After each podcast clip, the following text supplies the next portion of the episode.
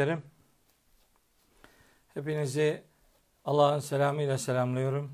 Allah'ın selamı, rahmeti, bereketi, afiyeti, mağfireti üzerimize olsun.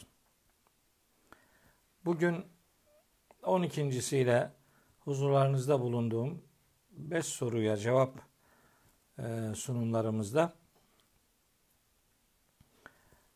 yine 5 konu belirledik. Sizden gelen soruları merkeze alarak. Ee, birincisiyle hemen başlamak istiyorum. Bu da çok merak ediliyor. Ee, işte acaba nasıldı, neydi, ne değildi diye. Biz de vahyin verdiği bilgileri esas alarak o bilgiler çerçevesinde sizlere e, ilahi hakikatleri, ayetleri referans gö- göstererek aktaracağız inşallah. Rabbim doğru söyleyebilmeyi, doğruyu söyleyebilmeyi e, ve söylenen doğrulardan e, ders alabilmeyi hepimize nasip ve müyesser eylesin inşallah. Şimdi birinci konu Hazreti Adem'in ve eşinin işte çıkartıldığı cennet neresidir? Bu hangi cennettir? Tabii insanlar bunu haklı olarak merak ediyorlar. E çünkü müminlere vaat edilen cennet elbette ahiretin konusudur. Yani e, önce bir bir alem yaşanacak, önce bir hayat yaşanacak, önce bunun üzerinden e, bir teklif, bir emirler, yasaklar topluluğu devreye girecek. Ondan sonra e, buradaki performansa göre yapılanların karşılığı eğer ödül gerektiriyorsa ilgililer ödüllendirilecek, cennete gönderilecek. Değilse işte cehenneme gönderilecekler. O zaman anlaşılıyor ki cennet bir ödül makamıdır. Oysa e, Hz. Adem'in ve eşinin e, ve beraberlerinde kıssaların anlatıldığı yerlerden çok net bir şekilde görüyoruz ki orada iblis de var. E, bu üçlünün bir anda e, müminlere ahirette vaat edilen cennette olmaları ve oradan çıkartılmaları öyle çok kolay anlaşılabilecek bir şey değil. Yani orası bir ödül yurduysa Adem aleyhisselam eşi ve iblis hangi tavırlarının karşılığı olarak oradadırlar? Bu sorunun cevabı yok. Bir. İki, müminlere vaat edilen cennet ahiretin konusudur. Burası ahirette değildir. Üçüncüsü cennete işte e, inançsız olanlar giremezler. İblis oraya nasıl girdi? Dördüncüsü cennette emirler ve yasaklar yoktur. Oysa bu dediğimiz cennette emir var, yasak var.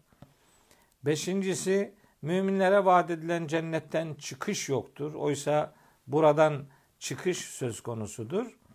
Ee, cennet bir teklif yeri değildir. Burada teklifler söz konusudur.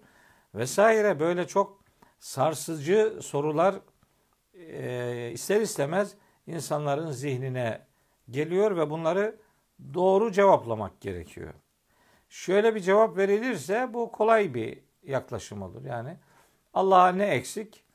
Allah istedi ve öyle oldu. Tamam öyle dedim mi bitti zaten e, konuşmaya da gerek yok. Zaten programa da gerek yok filan. Hiçbir şeye gerek yok.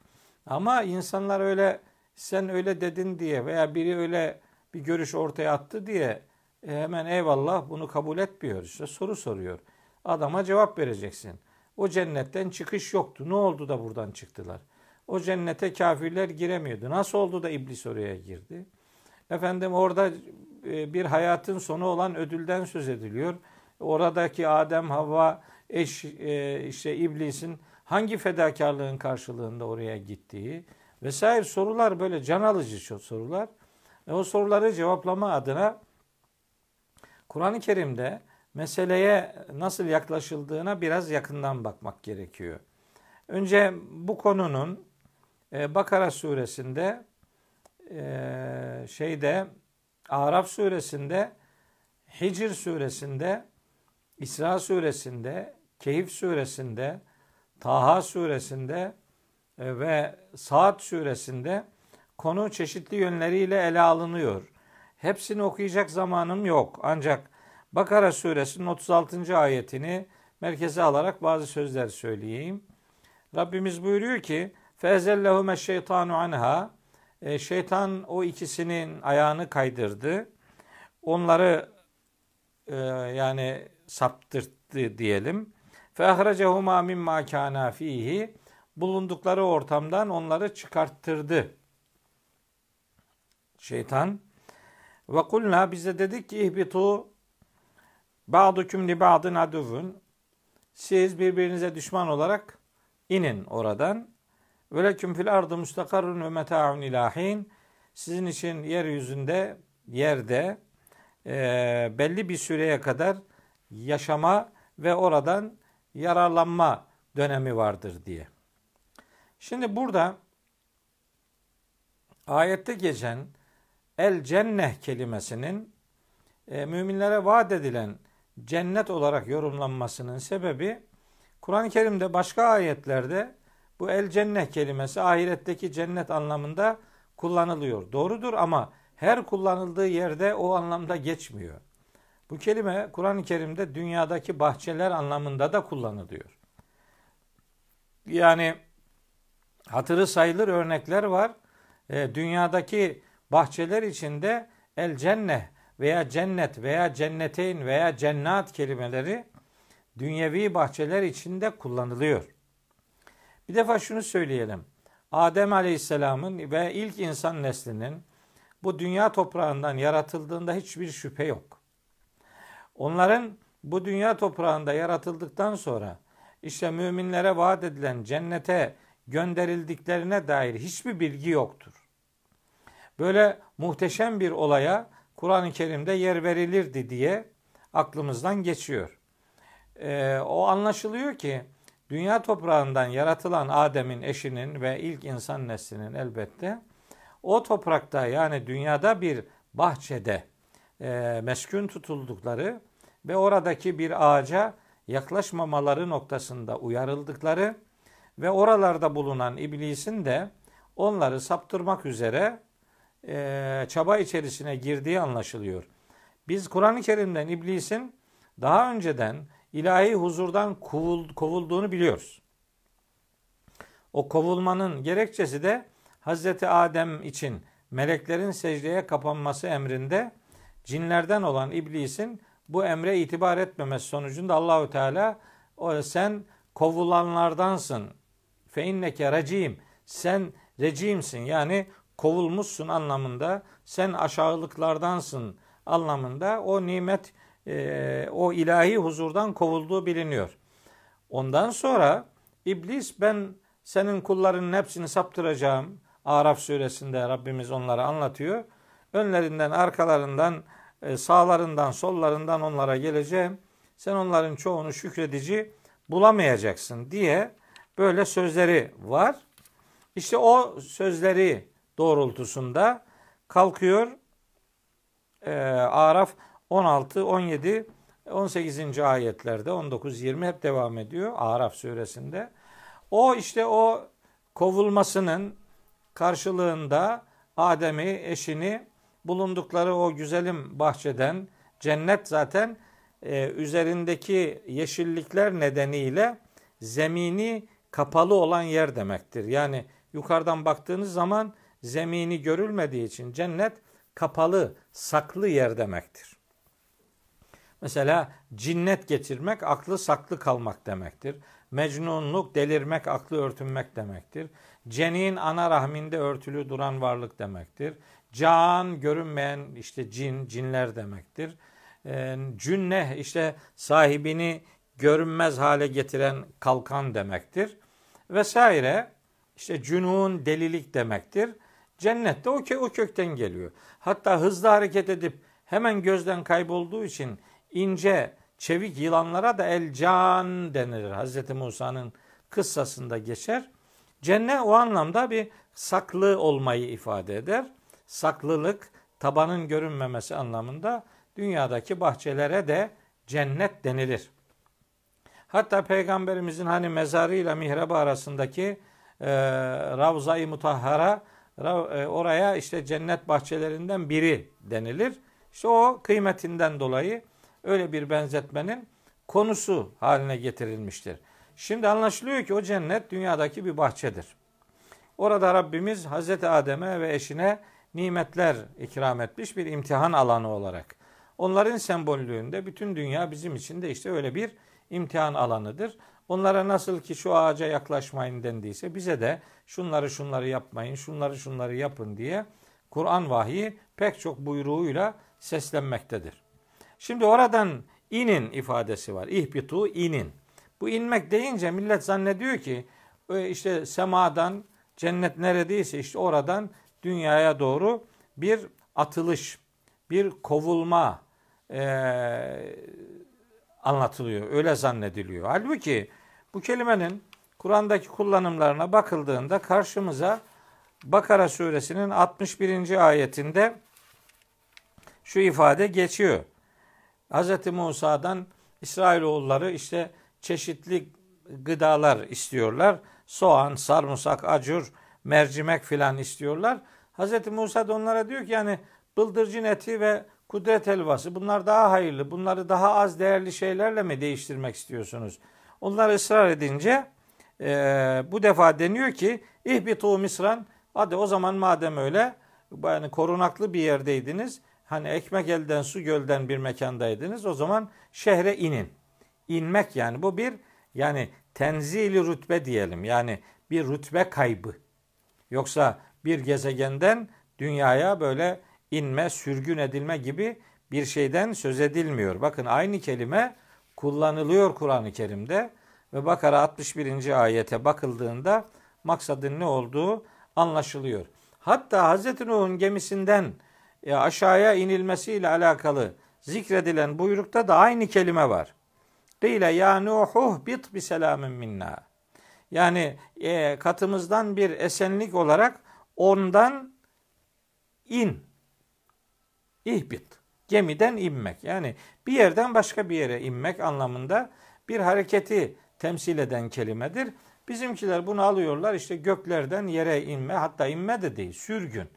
Onun için mesela dünyayı böyle bir sürgün yatağı gibi görme algısı vardı. Dünyanın bu anlamda değersizliği üzerinden edebiyatlar geliştirilir. Halbuki dünya değersiz olsaydı değerli olan ahiret buradan nasıl kazanılırdı?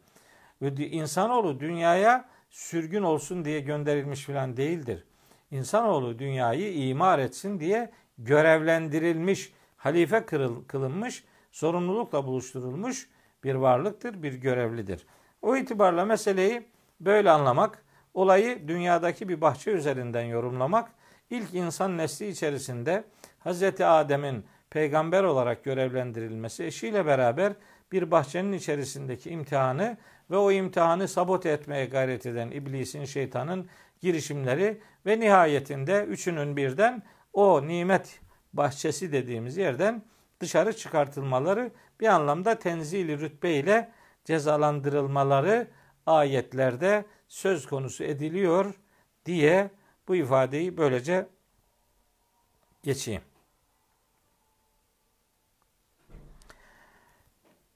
Şimdi başka bir konu Meryem suresi ile alakalı. Bu konuyla da çok sıklıkla karşılaşıyorum. Konu şu. Bütün e, insanlar cehenneme girecekler. Yok kardeşim ya. Yani bu ne, niye? Diye niye bütün insanlar cehenneme giriyormuş ki yani? Böyle bir şey olur mu? Bütün insanlar cehenneme girecekler. Bu çok sıkıntılı bir ifade. Ee, yani fazla derine girmeye gerek yok. Konuyu geçtiği ayetlerin bağlamında okumak yeterlidir. Hiç başka bir şey, hiç başka bir şey söylemeye gerek yok. Cidden. Meryem suresi 71. ayette buyuruyor ki Allahu Teala ve in minküm illa variduha içinizden hiç kimse yoktur ki oraya varacak olmasın. Şimdi tabi müminlerin cehenneme girmesini izah edemiyor bunu söyleyenler. Orayı görmek diye kenarından geçiyorlar filan. Öyle değil yani kelimelere takla attırmaya gerek yok. Aynı kelime Enbiya suresinde yine cehennemle alakalı Yine cehennemliklerle alakalı bu defa geçiyor. Oraya da öyle uzaktan görmek manası verilmez. Bu bal gibi de içine girmek demektir. Ama içine gire, girilecek cehenneme kimin gireceği ile alakalı ayetin bağlamını görmeden olmaz bu iş. Böyle bir tane meali ele alıp bir tane ayetin mealine bakıp hele ki bir meale bakıp o konuda başka meallerde hani farklı bir bilgi var mı yok mu izah var mı yok mu filan ona da merak etmiyor. Bir tane meale sarılıyor adam kardeşim. Meal bir yazarın Allah'ın kitabından anlayabildiğidir. Meal Allah'ın kitabıdır diye eşitlenemez.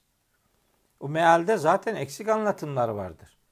Bir tane meale bakarak ahkam kesilmez. Bu çok büyük bir yanlıştır yani. Çok büyük bir yanlıştır. Me- meal meal okumayı tavsiye ediyorum ama meali usulüne göre okumak gerektiğini de her zaman söylüyorum. Yani ayetleri birbiriyle buluşturarak ve herhangi bir ayeti bağlamından cımbızlayıp çıkarmadan onu bağlamı içerisinde anlamaya çalışmak doğru okumaktır. Doğru okuma böyle bir şeydir. Şimdi bu Meryem 71'de geçiyor ya. Meryem 71'de geçiyorsa o zaman bu 71'in arkasına önüne bakmak lazım. Meryem 71'in arkasına önüne bakınca 66. ayetten itibaren şunu görüyoruz. Allahu Teala buyuruyor ki ve yekulul insanu e izâ mâ mittu lesevfe uhrecu hayya. İnsanoğlu dermiş ki insan ben öldüğüm zaman mı bir daha diriltileceğim? Nankör insan, inkarcı insan e, böyle dermiş. Öldükten sonra diriltilmeyle alay ediyor yani. Bunu diyene 67. ayette Rabbimiz buyuruyor ki Evela yazkürül insanu bu nankör insan hatırlamıyor mu ki enna halaknahu min kablu daha önce onu ben ya biz yarattık. Velem yekü şey ah hiçbir şey de değildi. Hiçbir şey değilken onu bizim yarattığımızı bilmiyor mu ki? Yoktan var edilen biri bu var edilişe inanıyor da vardan var edilmeye niye inanmıyor ki demeye getiriyor. Yasin suresinin sonunda da onlar anlatıyor Allahu Teala. 68. ayette buyuruyor ki: "Fe ve rabbike lenahşurannehum ve şeyatine" Onları da şeytanları da biz haşr edeceğiz, toplayacağız. Sümme lenuhdirannehum havle cehenneme cisiyya. Sonra onları cehennemin çevresine böyle diz çökmüş olarak getireceğiz, hazır kılacağız. Sümme lenenzi'anne min kulli şiatin eyyuhum eşeddu aler rahman etiyya. Sonra her bir gruptan Allah'a, Rahman'a en çok kimin azgınlık etmiş olduğunu biz bildiğimiz için onları şöyle bir kenara ayıracağız. Ondan sonra sümme le nahnu a'lemu billedinehum evla biha sıliyya. Sonra elbette biz kimin oraya girmeye daha uygun olduğunu elbette gayet iyi bilmekteyiz. Şimdi cehennemliklerden söz ediyor. Öldükten sonra diriltilmeyi inkar edenlerden söz ediyor. Bunların elebaşlarından söz ediyor. Grupların başlarında onları saptıran adamlardan inkarcılığı bir sapma konusu yapanlardan, yaptıranlardan söz ediyor ve hepsine birden diyor ki ve in minkum illa variduha. İçinizden hani sapanlar da saptıranlar da hani onların en azgınları da diğerleri de. Hepiniz cehenneme mutlaka gireceksiniz. Kâne ala rabbike hatmen magdiyya. Bu Rabbinin üzerine çok kesin bir şekilde aldığı bir borçtur, bir e, prensiptir.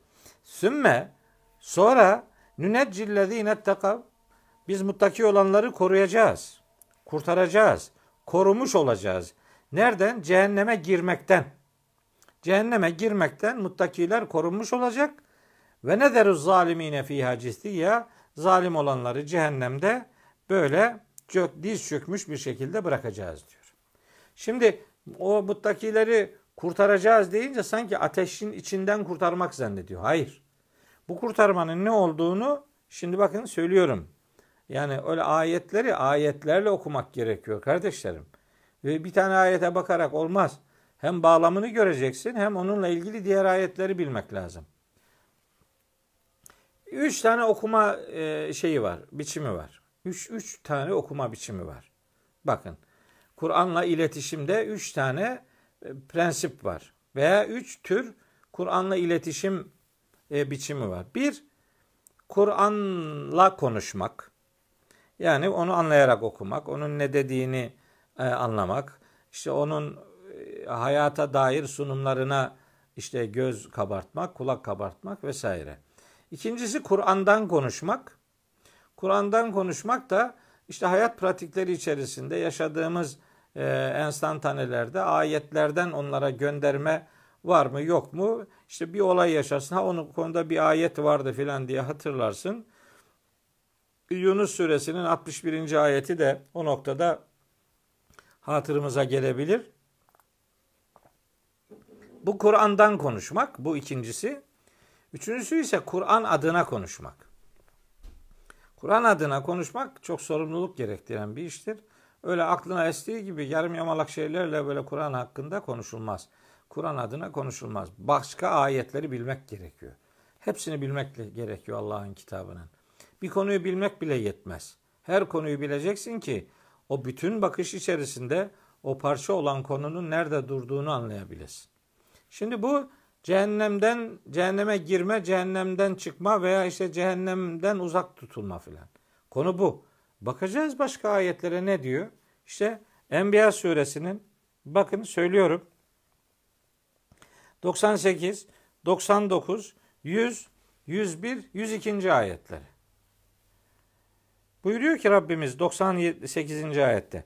İnneküm ve ma ta'budune min dunillahi hasabu cehennem. İnkarcılara sesleniyor. Siz ve Allah'ın peşi sıra tapındığınız varlıklar cehennemin yakıtısınız. Entüm leha varidun. Hepiniz oraya gireceksiniz. Varidun. Bak aynı öbür ve in minküm illa variduha. Meryem 71'deki aynı kelime. Levkâne haulâi aliheten ma veraduha. O tapındığınız varlıklar eğer gerçekten ilahlar olsalardı cehenneme girmezlerdi. Ve küllün fiha halidun. Hepsi cehennemde ebedi kalacaklardır. Lehum fiha zefirun. Onların orada korkunç bir inlemesi olacaktır. Ve hum fiha la yesmaun. Orada iyilik, rahat ve huzur adına hiçbir şey işitemeyeceklerdir. İnnellezîne sebekat lehum minnel husna. Hakkında kendileriyle ilgili katımızdan güzel, olumlu, ödül hükmü geçenler, yani iyi insanlar, cennetlikler yani, ulaike anha mubadun. Onlar cehennemden uzaklaştırılmış olacaklardır. Herkes oraya niye giriyor canım? La yesmaune hasisa. O kadar uzakta olacaklar ki cehennemin uğultusunu işitmeyecekler. Ve hum fî meşşehad enfusuhum halidun. Onlar canlarının çektiği nimetler içerisinde ebedi kalacaklardır. Demek ki cennetlikler cehenneme girip de ondan çıkıp cennete gidiyor falan değiller. Cehenneme giden oradan daha çıkamaz zaten. Bir önceki ders konusunda sorularda orayı ifade etmiştim. İmanıyla ölmeyi başaranlar Allah'ın izniyle cehenneme girmeyeceklerdir inşallah. Onu söyleyeyim. Mesela herkes cehenneme girecek demek. Yani ne demek? Peygamberler de mi girecek? Ne demek? Bebekken ölenler de mi girecek? Mesela ne demek? Şehitler de mi? Salihler de mi? Sıddıklar da mı? Değil mi? Nebiler de mi girecek? Deliler mi de mi girecek yani? Kim? Herkes girecek. O ayetin bağlamına bakınca herkesten maksadın aslında inkarcılar olduğu gün gibi aşikar bunu size ifade etmiş olayım değerli kardeşim. E, bu iki ana konuyu ifade ettikten sonra üç tane daha konuya da kısmen yani biraz daha kısaca temas edeyim. Bunlardan bir tanesi müziğin dindeki yeri nedir? Müzik. Şimdi böyle garip bir müzik düşmanlığı var. Yani nota, notaların ne günahı var? Tellerin ne günahı var? Akordiyonun ne günahı var? Nedir? Onun nasıl bir günahı olabilir ki yani? Yani efendim vurmalı çalgılarda sorun e, var veya yok. İşte üfürmeli çalgılarda var veya yok. Bu ayrımı kim yapıyor yani? Bu nasıl bir şey? Yani def çalmak o vurmalı çalgı onda bir sorun yok. Ama mesela neye üflediğin zaman e, o işte sıkıntı mı oluyor? Oluyor mu? Böyle mi? Yani kaval, kavalda sıkıntı var. Hiç ne kavalda sıkıntı var, ne kemencede, ne e, defte, ne neyde, ne diğerlerinde yani. Bağlamada mesela. Bağlamada ne sıkıntı olabilir? Önemli olan senin müzik adına ne söylediğindir. Yani orada sözlerin önemlidir. Eğer sözlerinin içerisinde dini değerlerle alay varsa, o müzik parçası olarak yani güftesi olarak ister müzik güftesi olsun ister hayatın içindeki başka bir konuşma arasında geçsin. Dini değerlerle, dinle alay ediyorsa o adamı dinden çıkarır. Veya şehveti tahrik ediyorsa, Allah'ın emirlerini hafife alıyorsa, onun haramlarını gayri ciddi bir şekilde pazarlıyorsa mesela e, bu bunu işlemek haramdır. Buna bu günah değildir demek de adamı dinden çıkartır. Ama ne ne güzel bağlamayla söylenen sözler vardır yani. Adam neredeyse vaaz eder gibi sözler söylüyor. Ne sakıncası var yani? Değil mi? Cem Karaca'nın e, vefat etmeden önce bestelediği o harika e, sözlerinin kime ne zararı var ki yani? E, yani bizim ozanlarımızın, kıymetli e, sanatkar insanlarımızın sözlerine can kurban. E, bir şehvet tahriki olmadığı sürece, dini değerlerle inkar veya alaycılık bulunmadığı sürece hiçbir sakınca yok. Öyle müzik aletlerine düşman olmanın da bir anlamı yok, bir manası yok. Bu silaha benzer. Savaşta kullanırsan düşman öldürmeye yarar ama kardeşini öldürürsen seni katil eder. Bu müzik aletleri de böyledir yani. E, insanları coşturucu, onlara tarihi öğretici, kültürü öğretici, onları yüreklendirici, onları bilgilendirici e, nice içeriklerde sunumlar yapmanın hiçbir sakıncası yok. Mesela bu kardeşiniz mesela kemenceni dinlemeyi çok severim. E, ben seviyorum diye zararsızdır anlamında söylemiyorum ama bir zararı yok. Sözüne bakarım ben. Sözünde bir sıkıntı yoksa kendisini dinlemekte de bir sıkıntı olmaz. Bağlamayı severim. Bizim Trabzon Çaykara'nın işte kavalını dinlemeyi severim. E, ama mesela diyelim ki ilahiler var. ilahiler söyleniyor. Ya öyle ilahi sözleri var ki bak adamı bak yemin ediyorum adamı müşrik yapar yani. Böyle tehlikeli sözler var yani. Onları dinlemektense hiç olmazsa öbürünün hani güftelerine bakmasam bile işte besteleri bile insanı rahatlatır. Bunda hiçbir sakınca yok. Yani Allah'ın Allah'ın Müslüman kulları dediğimiz iradesiz nesneleri böyle bir cehennem unsuru gibi görmenin bir alemi yok. Senin onları nasıl değerlendirdiğindir önemli olan. Bir bana başka bir şey daha söyleyeyim. Bunlar öyle haramdır falan diyenler de kendileri bolca müzik dinliyorlar. Hiç de merak etmeyin yani. Tekrar ediyorum. Mesela şöyle sözler tehlikelidir. Söylüyorum. Yani ortalık karıştı, düzen bozuldu. Yetiş ya Muhammed, yetiş ya Ali. Bak bu cümle sıkıntılıdır size söyleyeyim. Yani Muhammed, Ali, o bu filan yetişmez. Allah var Allah. Öyle Hızır, İlyas işte Hızır denizlerin, İlyas karaların koruyucusudur. E Allah nerede? Haşa.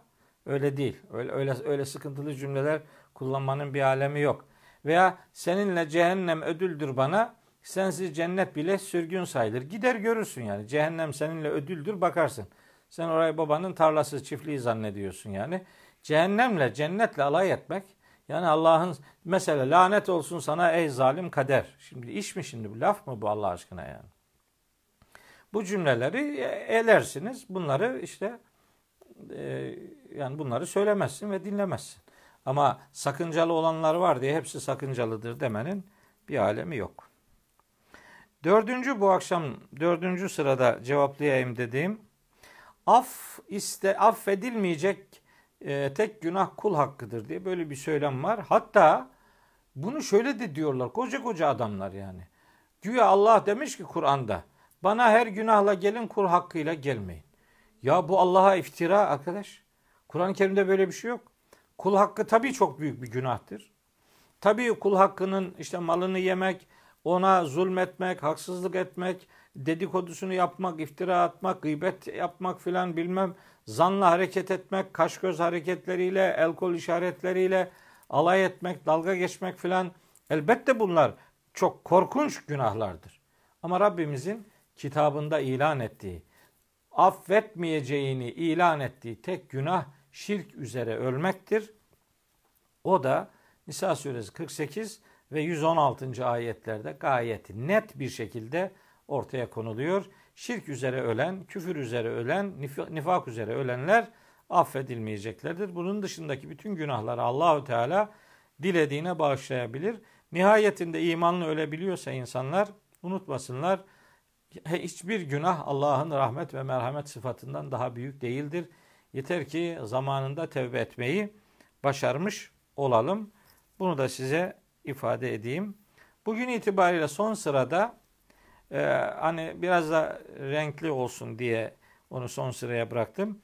İslam'da devir, ıskat, telkin var mıdır? Şimdi bu devir, devir ne biliyor musunuz? Devir, adam vefat ediyor. İşte bunun kaç yaşında? Diyelim ki 60 yaşında. E, ne zaman ergen olmuştur? Bu diyelim ki 15 yaşında erkekse filan. E, ne var? Arada 45 sene var. O 45 seneyi 5 vakit namazla çarpıyorlar. Bu adamın namaz borçlarını birer fitreden hesap ederek belli bir parayı ortaya koyarak onu veriyor, alıyor, veriyor, alıyor, veriyor, alıyor, belli sayıları tamamlıyor. Adam namazdan kurtuluyor. Allah zekattan kurtuluyor. Varsa fitre borcu ondan kurtuluyor. Yemin kefaretinden kurtuluyor. Oruç borcundan kurtuluyor. Ya adam yani istesen de cehenneme gidemiyorsun yani. Öyle böyle bir, bir, bir mekanizma. Böyle bir şey olabilir mi yani? Bu Allah aşkına ya böyle bir şey yok. Billahi tallahi yok böyle bir şey yani. Bu böyle sanki dinin bir şeymiş gibi. Ya kardeşim adam fakirse demek ki canı çıktı bu adamın. Yani iskat yapılacak malzemesi yoksa bitti. Din olduğu gibi zenginlere çalışan bir kuruma dönüşür. Yok böyle bir iskat, devir. İskat günahı düşürme işlemi. Devir de belli bir parayı belli sayılarda birilerine alıp vermekten meydana gelen bir işlemin adıdır. Sadece söylüyorum. Sadece ve sadece bir komedidir bu. Bundan bir Müslümanın behemhal elini çekmesi lazım. Ha bir adamın yemin kefareti var mı? Ölen ölen için söylüyorum. Veya oruç borcu var mı? Veya zekat borcu var mı? Veya adadığı, e, vasiyet ettiği bir ekonomik e, yükümlülük bıraktı mı geriye? Ha, onlar kuruşu kuruşuna varisleri tarafından ilgililere teslim edilmelidirler. Buna mecburdurlar. Varsa oruç borcu onun kefareti anlamında fidyesi. Varsa bozduğu yeminler onun kefareti olarak fidyeler. Veya işte birine borcu varsa o borcun ödenmesi veya birine bir hayır vasiyet ettiyse onun ödenmesi gerekir.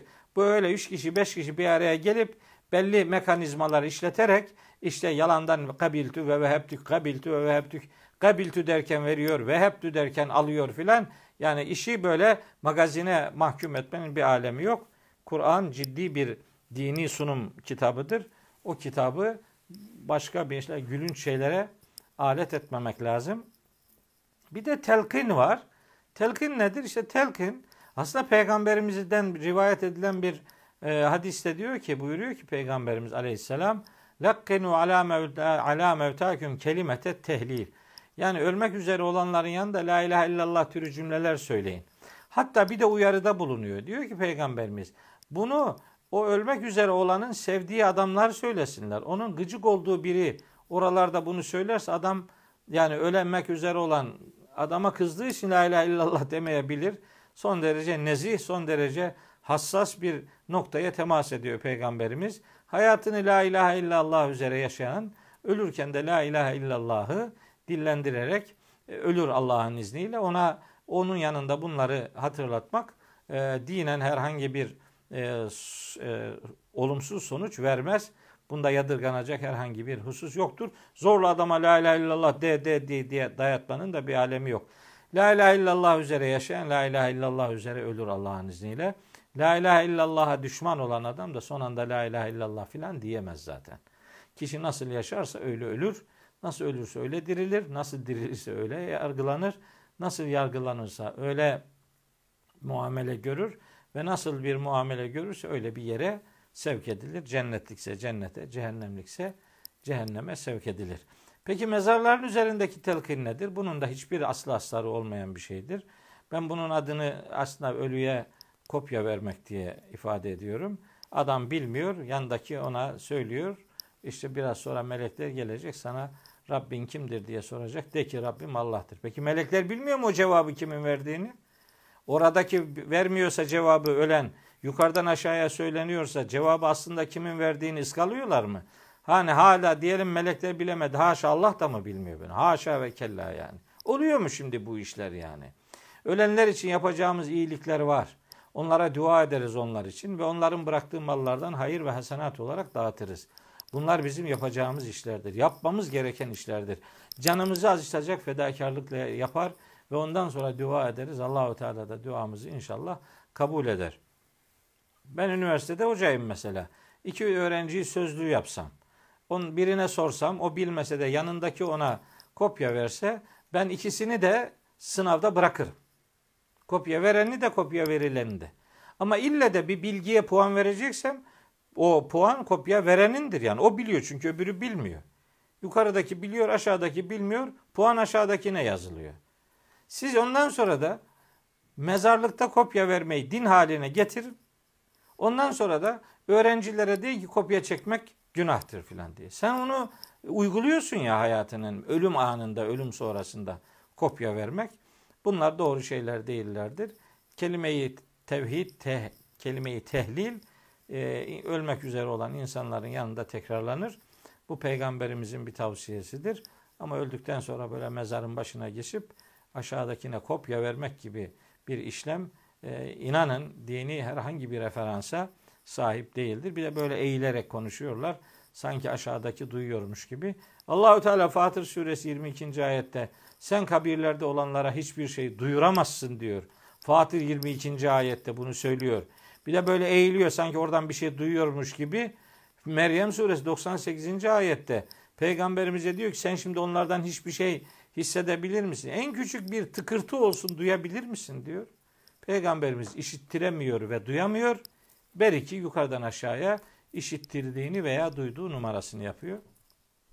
Ben insanoğlunun ahiret yolculuğunda kendi fedakarlıklarıyla öbür alemi inşallah kazanabileceği inancındayım.